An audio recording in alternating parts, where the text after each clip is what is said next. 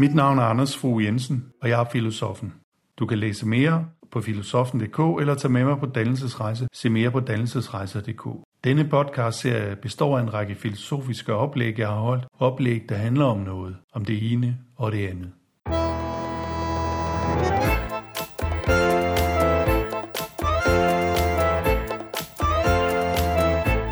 I denne podcast taler jeg om besindighed. Det er to af de fire græske kardinaldyder, der er i fokus her, nemlig visdom, fronesis og mådehold sofrosyne. Jeg taler om besindighed som en dyd, om tid, om Heideggers forhold til besindighed, om kedsomhed og om besindighedens vilkår i dag.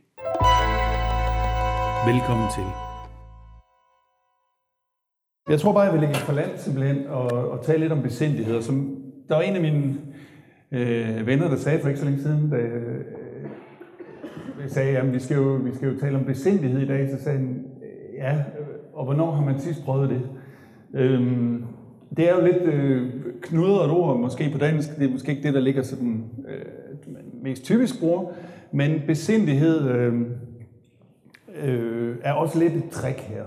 Øh, fordi det faktisk, mener jeg på, på dansk, har det med at kunne koble flere ord i sig. Øhm, det er faktisk, og det, det er faktisk, der er ligesom om, der er to øh, af det, man kalder kardinaldyderne, det skal jeg nok komme tilbage til, der er faktisk ligesom om, der er to af kardinaldyderne, der er indeholdt i det, nemlig både øh, det, man nogle gange kalder visdom, og det, man nogle gange kalder mådehold. Øhm, og øh, ja, jeg synes bare, at besindighed ligger bedre i forhold til, hvad der er brug for i vores tid, end, en, en visdom, som, er, som, som ligger lidt mere fjernt. Øhm, og jeg synes også, eller sådan, det bliver lidt abstrakt, hvad fanden vil det egentlig sige at være vis? Øhm, men jeg kan bedre forholde mig til, hvad, hvad vil det sige i det daglige liv at være besindig? Og det skal jeg også prøve at sige lidt om. Jeg, jeg mener jo faktisk, øhm, at vi lever i en tid, som er sådan på grænsen til det afsindige. Øh, sådan at forstå, at øh, der er meget hastværk, der er også meget øh, panik, og næsten enøjethed, vil jeg sige, øh, at både politikere, men også nogle gange os andre, synes, at vi skal frem for alt handle. Vi skal, vi skal frem for alt skynde os at handle, og hvis ikke vi skynder os at handle, så øh, virker vi svage. Og øh, derfor er der måske netop i vores tid brug for, for besindighed. Det vil jeg slutte lidt af med at sige, men ellers så vil jeg sådan undervejs tale lidt om det her med besindighed som dyd. Altså, hvad er en dyd overhovedet for noget? Øh, kan man overhovedet sige det mere? Øh, jeg vil sige lidt om, øh, især nok om Aristoteles, men jeg vil også prøve på at sige lidt om, om øh, en tysk filosof, der hedder Heidegger, som gør en del ud af det, han kalder besindung, øh, at, som også ja, både kan betyde noget med at besinde sig, men, men også med mening at gøre. Sinde betyder mening på tysk. Øh, så øh, ja, jeg vil prøve at komme lidt omkring, hvad, hvad, hvad der kan ligge i besindighed, og så håber jeg, at I kan sætte sådan lidt mere levet liv på øh, bagefter. Godt. Øhm, som sagt, så er det lidt et trick at snakke om besindighed og ikke om visdom. Øhm, Platon nævner i fjerde bog af staten, at der findes fire kardinaldyder. Øh, hvad er en kardinaldyd? En kardinal betyder egentlig et dørhængsel, øh, og en ved, ved en kardinaldyd skal man så forstå noget, som de andre dyder ligesom hænger på.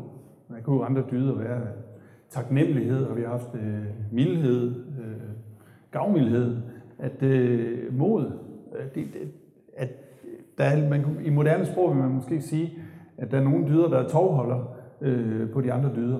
Øh, og det så kunne, kunne øh, besindighed blandt andet være. Øh, og det som, som altså Platon siger, der er, der er fire kardinaldyder. Øh, visdom, mod, mådehold og retfærdighed. Visdom, mod og mådehold og retfærdighed. Øh, det sjove er bare, at både visdom, altså, øh, eller hvad kan man sige, hos, hos øh, Platon er det, er det Sofia, men det bliver øh, hos Aristoteles, som jeg skal komme tilbage til lige om lidt, meget hurtigt til Fronesis. Fronesis, både Fronesis øh, og øh, mådeholdet sofrosyne er blevet oversat med besindighed. Så det, det, det jo lidt rundt, når vi kører med vores moderne øh, vores moderne sprog. Men altså, hvis vi bare lige holder os det her for øje, ikke, at der er fire kardinaldyder, og det er der, at de kristne de tilføjer tro, håb og kærlighed, ikke, så man har syv øh, kardinaldyder. Øhm, og det handler så for Platon om, at staten må regeres vist, fordi så får den også vise borgere, øhm, og så lever, hvad kan man sige, så bliver livet levet mere i overensstemmelse med øh, den orden, som, som er i kosmos. Men jeg synes, det er langt hen ad vejen af Aristoteles, der forklarer det meget bedre end, end, øh, end Platon egentlig, hvad det handler om. Og øh, det er også ham, der ligesom, øh, hvad kan man sige, lægger ord eller begreber til det her med, hvad er en dyd egentlig for noget. Fordi en dyd kan jo godt lyde sådan lidt som en, en dyde pige, det er en, der ikke gør noget. Men dyd har faktisk mere med duelighed at gøre. Det har mere med øh, at kunne eller med en kraft at gøre. Altså, et dydigt menneske er jo faktisk det, der, der, der udfolder sin menneskelighed, hvorimod det, det, det udydige ikke, man kan sige, i moderne sprogbrug, det har en potentialitet, som ikke er, kommet, som ikke er udfoldet endnu, men som det kunne udfolde. Men ellers er dyd jo, eller arete på græsk, øh, virtus på latin, det er, at, at, det er en kraft til at gøre det, man skal godt. En kniv kan være dydig. Et ur er dydig, hvis det går præcist. Øh, en gift er dydig, hvis den er god til at drive en bil, er dydig, hvis den er god til at køre. Øh, men spørgsmålet stiller sig selvfølgelig, hvad er menneskets dyd? Og Aristoteles må svare, ja, det, der er nok mange, eller der er jo flere, øh, flere dyder her, der, der, er, der er på spil. Så mennesket kan altså ikke, ligesom, øh, altså mennesket kan ikke finde en dyd, og så gøre den udelukkende, og så være et, et fuldt udfoldet menneske. Det må, have, det må have mange dyder i spil, og de må oven i købet øh, også stå i samspil.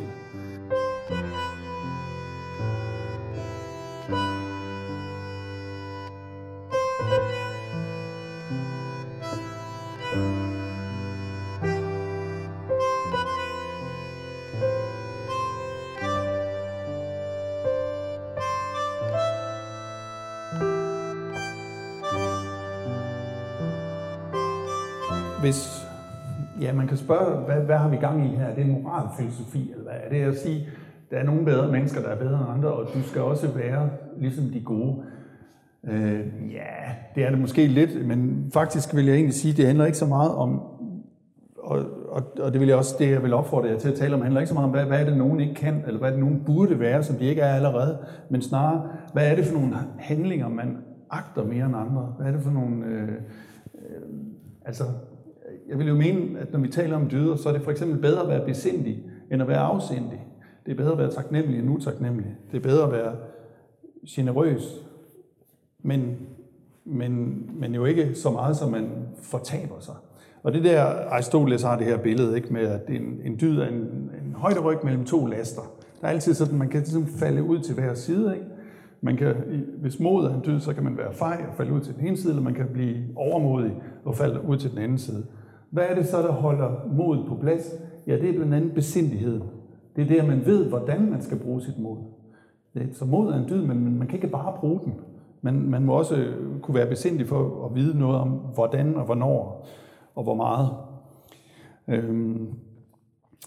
Og så stiller spørgsmålet sådan, hvordan delen laver man så gode mennesker? Øh, og der vil Aristoteles jo sige, at det gør man igennem øvelse. Det gør man igennem, at de handler Mennesker handler, øh, og dermed får de formet en karakter, eller hexis, som det hedder. Øh, at man, man, man får formet en karakter, og ud af den karakter udspringer de gode handlinger. Øh, hvis der er nogen af jer, der var her en jul, ikke, så snakkede vi om det her med, at øh, med omkring taknemmelighed, ikke, at vi lærer børnene at sige tak, endnu inden de er taknemmelige. Fordi at hvis de siger hvis de, hvis de siger tak, så kan de opøve den karakter, der Aristoteles mener, øh, hvorud af der udspringer det taknemmelige. Altså øh, på samme måde, som man kunne opøve modet ved at lave modige handlinger, øh, så kan man også opøve taknemmeligheden. Men spørgsmålet er, kan man også det med besindeligheden? Er der ikke ligesom et eller andet der? Det synes jeg i hvert fald, kan man, hvordan, hvordan lader man et barn lave besindige handlinger? det, det, det, jeg har lidt svært ved at forestille mig, øh, øh, eller i hvert fald, det står ikke helt klart. Øh, og derfor tror jeg, at besindigheden er lidt anderledes, eller det er det der, der, det der dørhængselsagtige, eller øh, grundmeta, eller måske mere grundagtige, øh, som er ved det, ved, øh, ved det besindige. Den skal ligesom være med i alle dyderne, øh, for at de bliver udført ordentligt. Øhm, og nu taler jeg jo så nok mest om den besindighed, der ligger tættest op af visdom, og ikke så meget om den, der ligger op af mådehold. Om den, der siger Aristoteles, at øh, en ung mand kan jo sagtens være matematiker. Altså, fordi matematik, øh, øh, hvad kan man sige, jamen, han siger, han siger en ung mand øh, kan ikke være besindig, fordi det for, forudsætter kendskab til de enkelte fakta, og kundskab til dem vindes, man, vindes kun ved erfaring. Men erfaren er en ung mand ikke, for tids fylde skaber erfaring. Han siger, at tids fylde skaber erfaring, men man kan sige, at livet skal have slidt på en, for at man, man kan være øh, besindelig. Øhm, så, så Aristoteles fortsætter, ja, man kunne jo spørge om, hvorfor en dreng godt kan blive matematiker, men ikke metafysiker eller naturfilosof. Øh, Øh, og der mener han, det er fordi, at abstraktionerne er lettere at forstå end, end livets kunst. Og, øh, og, og det, det tror jeg, at der er noget over, øh, som man kan sige, det, det at livet ligesom, det er jo ikke nok, at livet går, men man må gøre sig nogle erfaringer for at, for at hvad kan man sige, opøve besindighed. Og derfor er det også sådan lidt, lidt dumt, at det, at tiden går nu om dagen bliver kaldt fjummerår, øh, at når du, du kom ikke lige frem til målet med det samme, eller frem til dit startpunkt med det samme, øh, tiden gik for dig, øh, det må vi hellere, det må vi hellere skære væk. Men altså det vi forløbigt sådan kan, hvis man skulle sige det, det han vil sige Aristoteles, det er også, at det kræver nok viden, men viden og, og besindighed er ikke det samme. Man må vide noget om verden, men, men det, er ligesom, det, er ikke, det er ikke nok bare at akkumulere viden. Øhm, besindighed, siger han, øh, det er faktisk det at kunne skelne mellem godt og skidt. Øhm, ikke bare for mennesker generelt, men altid i en konkret situation. Og det er også ret vigtigt det her, øh, at besindighed er ikke noget, der kan generaliseres. Sådan at forstå, det foregår altid i ental, mener Aristoteles. Altså det er altid, modsat for eksempel historikerne, så mener jeg ikke, man kan ikke lave nogen generel videnskab omkring den, den besindige handling. Det vil altid være specifikt, men jeg kan altså ikke sige, du skal altid øh, rejse dig for gamle mennesker i bussen. Det, det kan man godt sige, men det er ikke altid det, er ikke altid, det, det er besindigt. Der kan være gange, hvor besindigheden øh, kræver, at man gør noget andet. Øh, og det, det, kan jo være, det kan jo være dybt øh, frustrerende, kan man sige, at hvis man gerne vil, som man gerne vil, mener jeg, i, i vores tid, lave nogle generelle retningslinjer for, hvordan at nogen skal opføre sig. Øh, at, at, den, at den gode handling faktisk kræver øh, en, en helt konkret situation, øh, men helt konkret, ja, nu om dagen vil vi sige praktisk sans eller praktisk klogskab, at kunne udføre. Man kan altså ikke sige, bare fordi vi har testet det her i laboratoriet, så skal du altid gøre sådan. Øhm, og det siger jo også sådan lidt med under henvisning til, der er, der er meget sådan øh, evidensbaserede bølger for tiden, som handler om at afindividualisere. Altså, vi vil sige, øh, psykologerne de skal ikke bare bedrive den terapi, som de i det konkrete tilfælde finder er bedst, men de skal bedrive det, der har vist sig at have mest effekt, og det skal de så gøre alle sammen på den her måde. Øh, man, må, man må altså ikke selv finde ud af det, dels fordi det er uretfærdigt, men også fordi, at så bliver det ikke effektivt nok. Og der, der, der, får de altså ligesom, eller der får man ligesom skåret det, som Aristoteles så kalder fronesis, eller besindighed, det får man skåret væk her. Ikke? Fordi den, den erfarne kan ligesom ikke bruge sit, sin, sin erfaring til at at gøre det, der er bedre end det, end det, end det almene. Jeg håber, I forstår lidt, hvad jeg mener her. Øhm, det er altså det, at man ikke kan lave sådan en køreplan for, for, for hvad der er godt. Øhm, eller man kan ikke regne sig frem til det.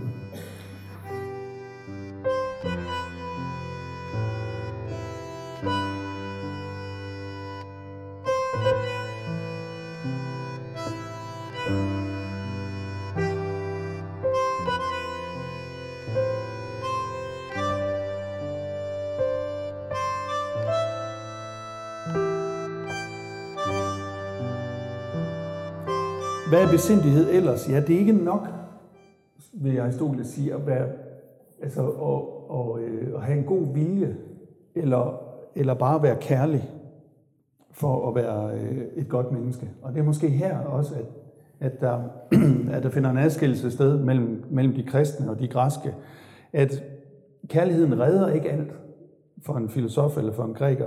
Man kan godt være en, en, en god far, der holder af sine børn, men man gør ikke børnene godt, bare fordi man holder af dem.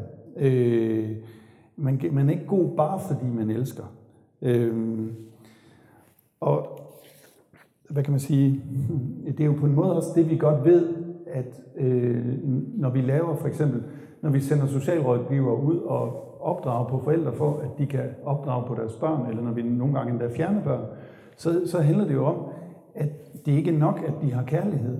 De må også kunne udføre kærligheden besindigt. Altså de må, de må vide, de må vide, hvordan man skal dosere denne kærlighed, hvornår man skal beskytte, hvordan man skal beskytte, hvornår man skal sige nej, hvordan, hvornår man skal trække grænser, hvornår man ikke skal trække grænser. Og på den måde mener jeg faktisk, at afsindig kærlighed er farlig. Hvis der er nogen, der siger til en, jeg elsker dig afsindigt, så må man sige, nej, vil du godt elske mig besindigt? Øh,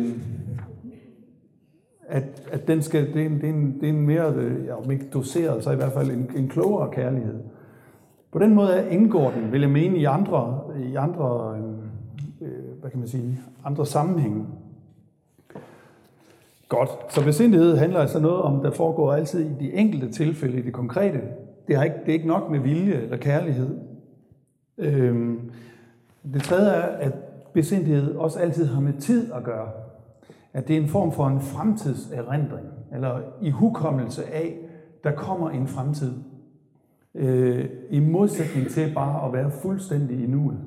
Øh, øh, der er jo sådan et gammelt brødrepar, en, øh, to titansønner, der hed, øh, hos grækerne, der hed Prometheus og Epimetheus.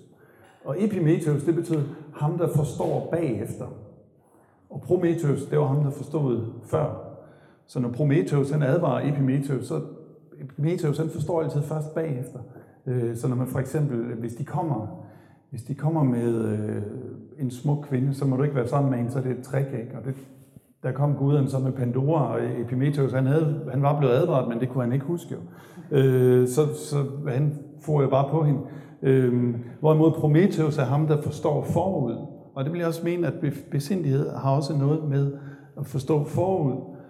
Cicero skrev blandt andet, at, at, at altså, fronesis, det bliver oversat til øh, prudentia til latin. Ikke? Det kommer af noget med providere, at se forud, eller se frem. Altså, at, at fremtiden er måske uvis, derfor må man finde det rette øjeblik, derfor må man nogle gange have tålmodighed, derfor må man også nogle gange foregribe, og ikke bare være i nuet, ikke bare tage den korteste vej til nydelsen. Øh, ikke altid handle på en pludselig indskydelse, og det er måske det besindigheden, der er forskellen på en, øh, hvad kan man sige, et held og, brug, og øh, et brusehoved. Ikke? Det er, at, at, at eller brusehovedet, det, det, det flyver frem, øh, mens besindigheden måske holder sig lidt tilbage. Og her er vi i virkeligheden tættere på den, på den anden dyd, som jeg sagde, der var smuglet ind i besindigheden, nemlig mådeholdet. Øhm, besindighed er på en måde også, som mådehold i hvert fald, øh, beslægtet med Freuds realitetsprincip. Altså det, at man kan udsætte, øhm, øh, altså at man kan vente med at opsøge det, man vil. Øhm, altså jeg, jeg husker, jeg læste, jeg ved sgu ikke, om det er rigtigt vel, men der er nogle dyr, hvis vi lukker dem ind i, i sådan et rør, øh, sætter et net for, og så noget mad herude, ikke? så en høne for eksempel, den vil ikke kunne finde ud af, at hvis den lige kan udsætte sin lyst til det mad, der ligger der, så skal, kan den bare lige gå rundt og tage det. Mens så det skulle en rotte kunne. Den kunne godt finde ud af at udsætte sin lyst så meget, at den kan gå rundt om røret og tage det her. Ikke? Altså, at, øh, at det at kunne, kunne, ja, kunne udskyde, og som også hos Nietzsche for eksempel, er, at den reaktive kraft, når den fungerer godt, så er det den, der gør, at man ikke er blind. Altså hvis, ellers så vil man hele tiden gå efter impulsen, eller det han kalder sådan en dionysisk livsvilje. Jeg vil simpelthen bare gå over vejen, øh, når det faldt mig ind. Ikke? Hvis ikke, hvis ikke øh, den reaktive kraft eller realitetsprincippet ligesom holdt noget tilbage.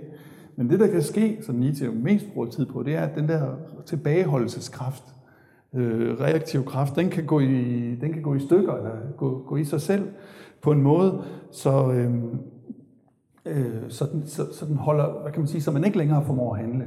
Og det er der, man bliver lidende, at man, man, den holder så meget tilbage, at, at man, man simpelthen, øh, ja, at, at handlingen jo ikke, øh, slet ikke forekommer. Det er jo også, altså, jeg talte før om, at besindigheden jo netop var det, der kunne gøre med modet, at modet ikke blev hverken til, til overmod, men det kan jo også blive til, til ja, fejhed, eller at man simpelthen slet ikke formår at handle. Øh, og, men det er sådan mere Nietzsches gebet, end det egentlig er Aristoteles' øh, gebet. Det jeg jo ved at sige, det er, at, at besindighed handler om tid, og at det handler også om fremtid. Øh, og jeg sagde, at det var en fremtidserindring. Øh, så når vi på hele menneskehedens vegne siger, at menneskeheden må være besindig, så handler det også om, at der er fremtidige generationer. Vi kan ikke bare, vi kan ligesom bare bruge det, der er her nu, vel? Vi, vi, må, vi, må, vi må tænke over, hvad kommer der? Hvem kommer efter os? Skal de ikke også have nogle rettigheder? Skal de ikke også have nogle chancer? Og på den måde kan man jo godt sige, at meget økologisk bevidsthed for eksempel også har besindigheden i sig, øh, som er, at vi skal ikke bare bruge det, øh, vi har nu. Øhm, og måske kan man sige, lige i samme åndedrag, at jo mere teknik vi får, jo mere kræver det måske også øh, besindighed. Hvordan, hvordan bruger vi det? Vi kan, jo mere magt vi får af naturen, jo, jo mere kræver det besindighed at finde ud af, hvordan, hvordan gør vi det bedst.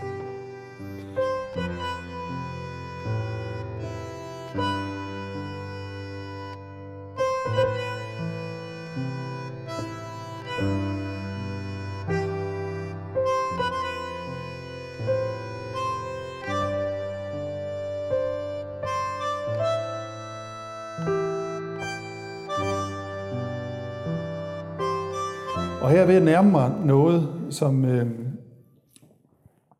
øh, ja, jeg vil at prøve at nærme mig stille og roligt, hvad det var, Heidegger mente med besindighed eller besindung.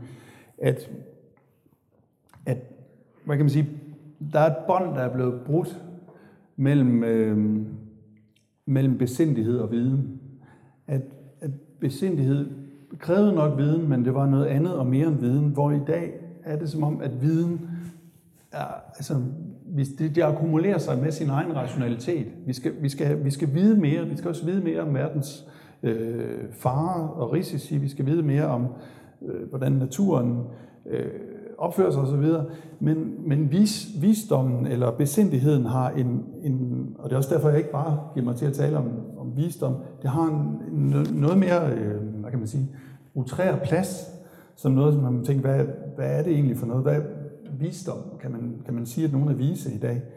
Ja, det er jo som regel gamle mænd eller øh, kvinder, sådan, man har tænkt over, de, de, de er vise, for de har et eller andet. Ikke? Øhm, visdom og filosofen har jo samtidig været den, ligesom skulle bære rollen videre som den vise, men det er egentlig ikke fra filosofen, den kommer. Den kommer mere fra, fra religionen og fra muserne. Ikke? At, altså, de allerældste skrifter i det gamle testamente kalder man visdomslæren. Ikke? der udfolder sådan en indsigt, af Gud, var, Gud er retfærdig, og derfor belønner og straffer han. Og senere får vi noget, vi kalder visdomslitteraturen. Men det, der er fælles, det er, at, at de vise er begejstrede. Man, altså, de har gejst, og de er blevet begejstrede, altså beåndet, eller inspireret, ikke? Eller de er entusiastiske. Altså, de har teos i sig. Øhm, Gud i sig, og dig, digtningen eller musen er ligesom det der, det der øh, hvad kan man sige, beåndet, der bryder ud. Så visdommen er, er sådan en, en flyden over med. Og øh, der, der, hvad kan jeg sige, derfra der, der skiller filosofien sig lidt, lidt, lidt i to, altså den, den mystiske den mystiske tradition, som mere er, handler om en forening med verden, at tale naturens sprog, det kan I endnu Adorno tale om, at, man kan, at naturen kan have et sprog, øh, mens den videnskabelige tradition mere handler om at beherske verden.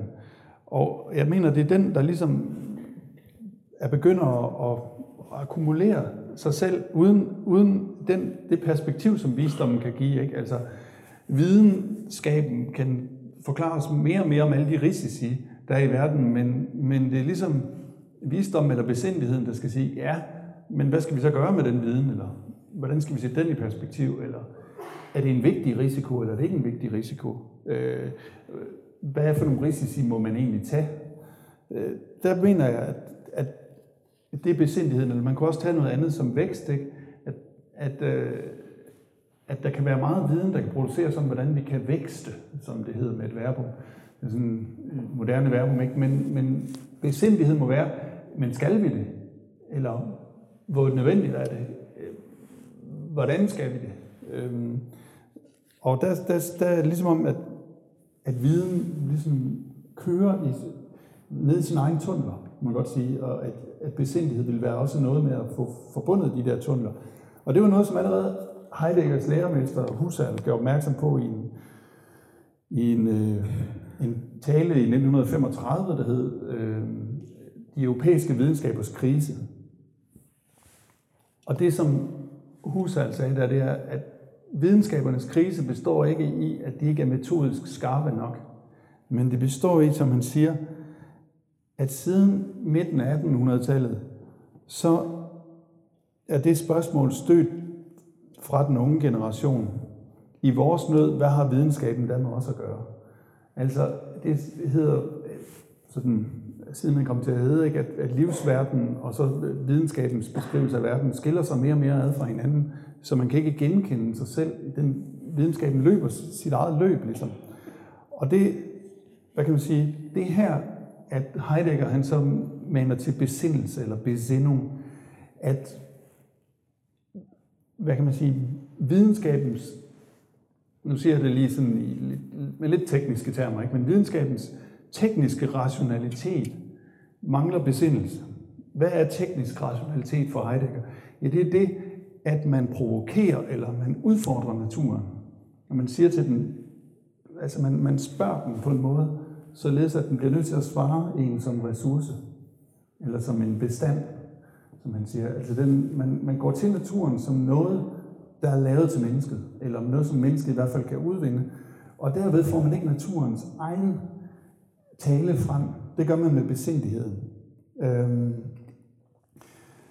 skal jeg nok lige komme tilbage til et øjeblik, hvad han mener med, men Heidegger siger, i kedsomheden, der er det som om, at der kan man høre eksistensens grundsusen.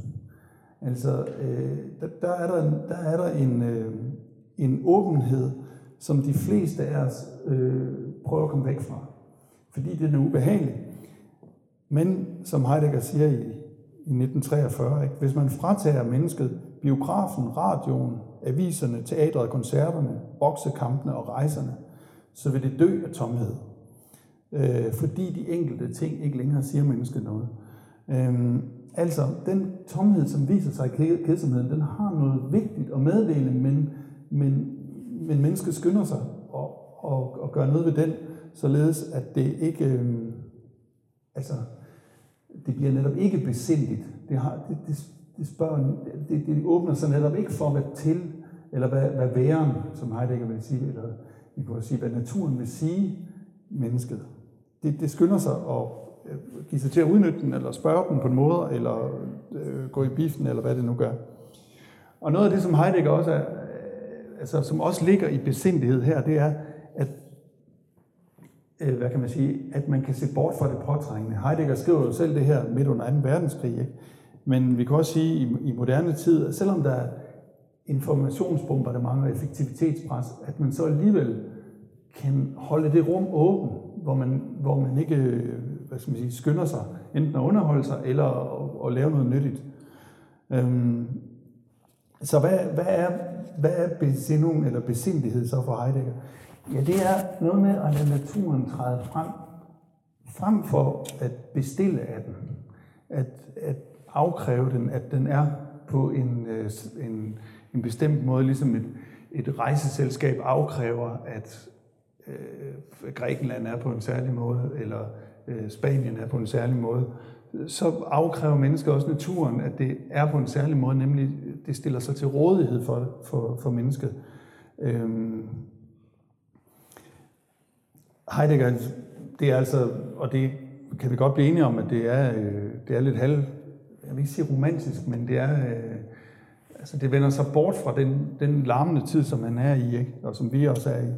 Jeg siger, frem for alt og endelig gælder det om ikke at lade det blomstrende træ falde, men i første omgang om at lade det stå, hvor det står. Hvorfor siger vi endelig, spørger han så. Fordi tanken indtil nu aldrig har ladet træet stå der, hvor det står. Altså, menneskets tanke, den er ikke, lader ikke naturen tale, eller lader den ikke være, som den er, men prøver hele tiden at tænke, hvad kan jeg bruge det til? Hvad, hvordan kan jeg øh, udnytte det her? Men, siger Heidegger et andet sted, det kunne jo være, at naturen i den side, som den vender mod den tekniske bemægtigelse gennem menneskene, netop skjuler sit væsen.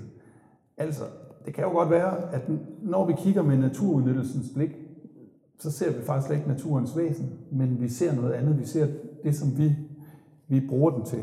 Og, og hvad kan man sige? Det er jo ikke fordi, at naturen giver sig til at tale i et sprog, som, som vi kan forstå, men hvis den har en mening, så kommer den i hvert fald ikke frem, vil Heidegger sige, ved at vi afkræver den.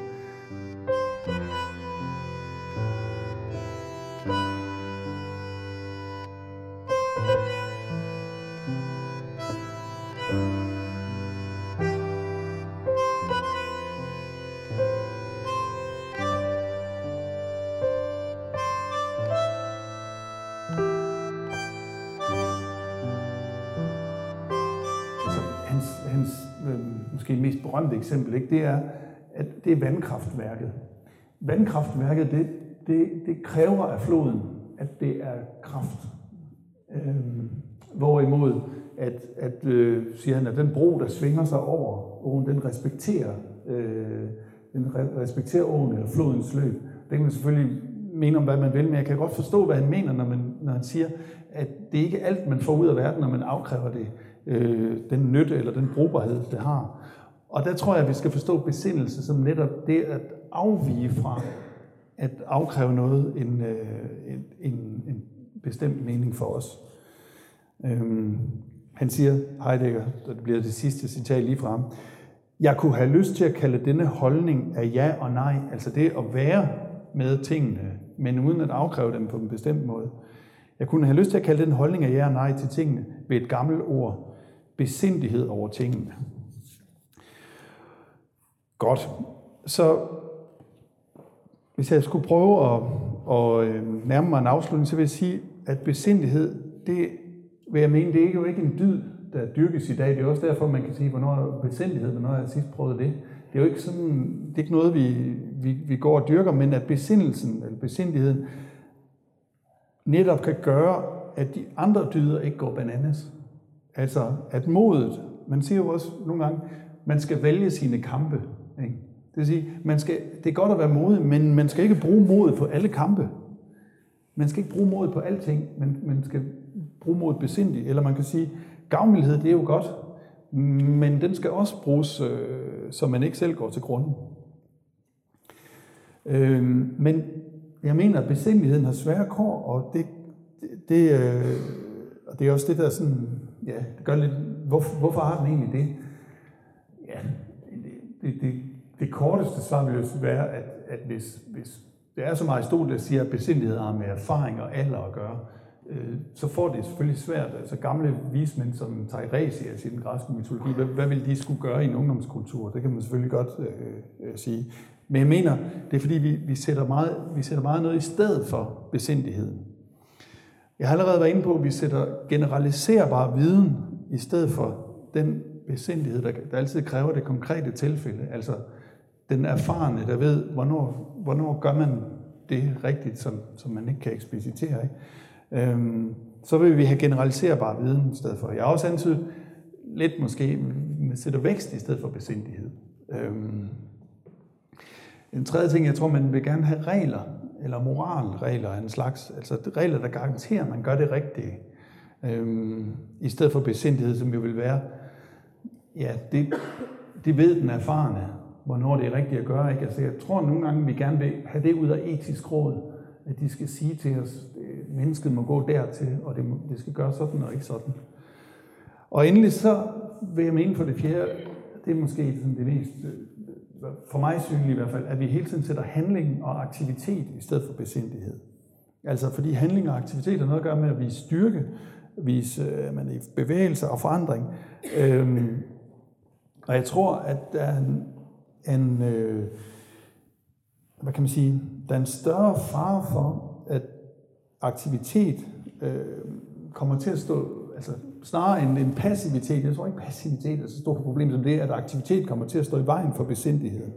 Så besindigheden, altså ikke fordi besindigheden vil forkaste hverken øh, viden eller øh, moral eller handling eller fremskridt.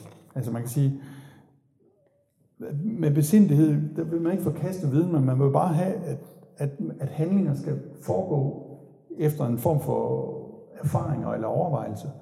Man vil heller ikke forkaste fremskridtet mod en bedre verden. Man vil heller ikke forkaste moral. Man kan sige, det vil være direkte umoralsk ikke at være besindig. Men det er bare ikke nok at følge regler. Øhm, og endelig, altså at man vil heller, jeg vil heller ikke mene, at det at sige, at vi skal være besindige, det er at sige, at vi skal være passive. Det vil bare, eller ikke forandre, eller ikke handle. Det er ikke sådan en eller anden øh, wu wei øh, filosofi vel? Men bare det, at man i hvert fald betænker sig, før man iværksætter eller reagerer.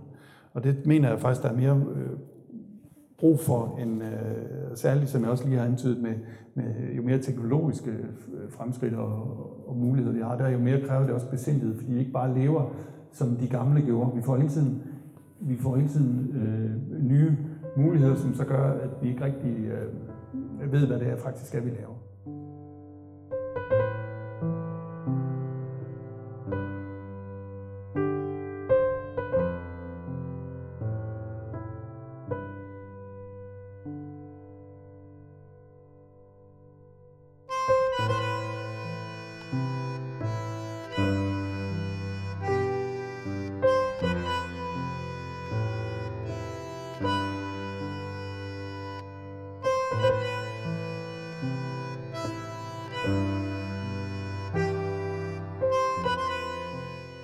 Du har lyttet til en podcast af filosofen Anders Fogh Jensen. Abonner på denne podcast for at få opdateringer. Mere information om filosofens virke kan findes på filosofen.dk og på dannelsesrejse.dk. Tak fordi du lyttede med.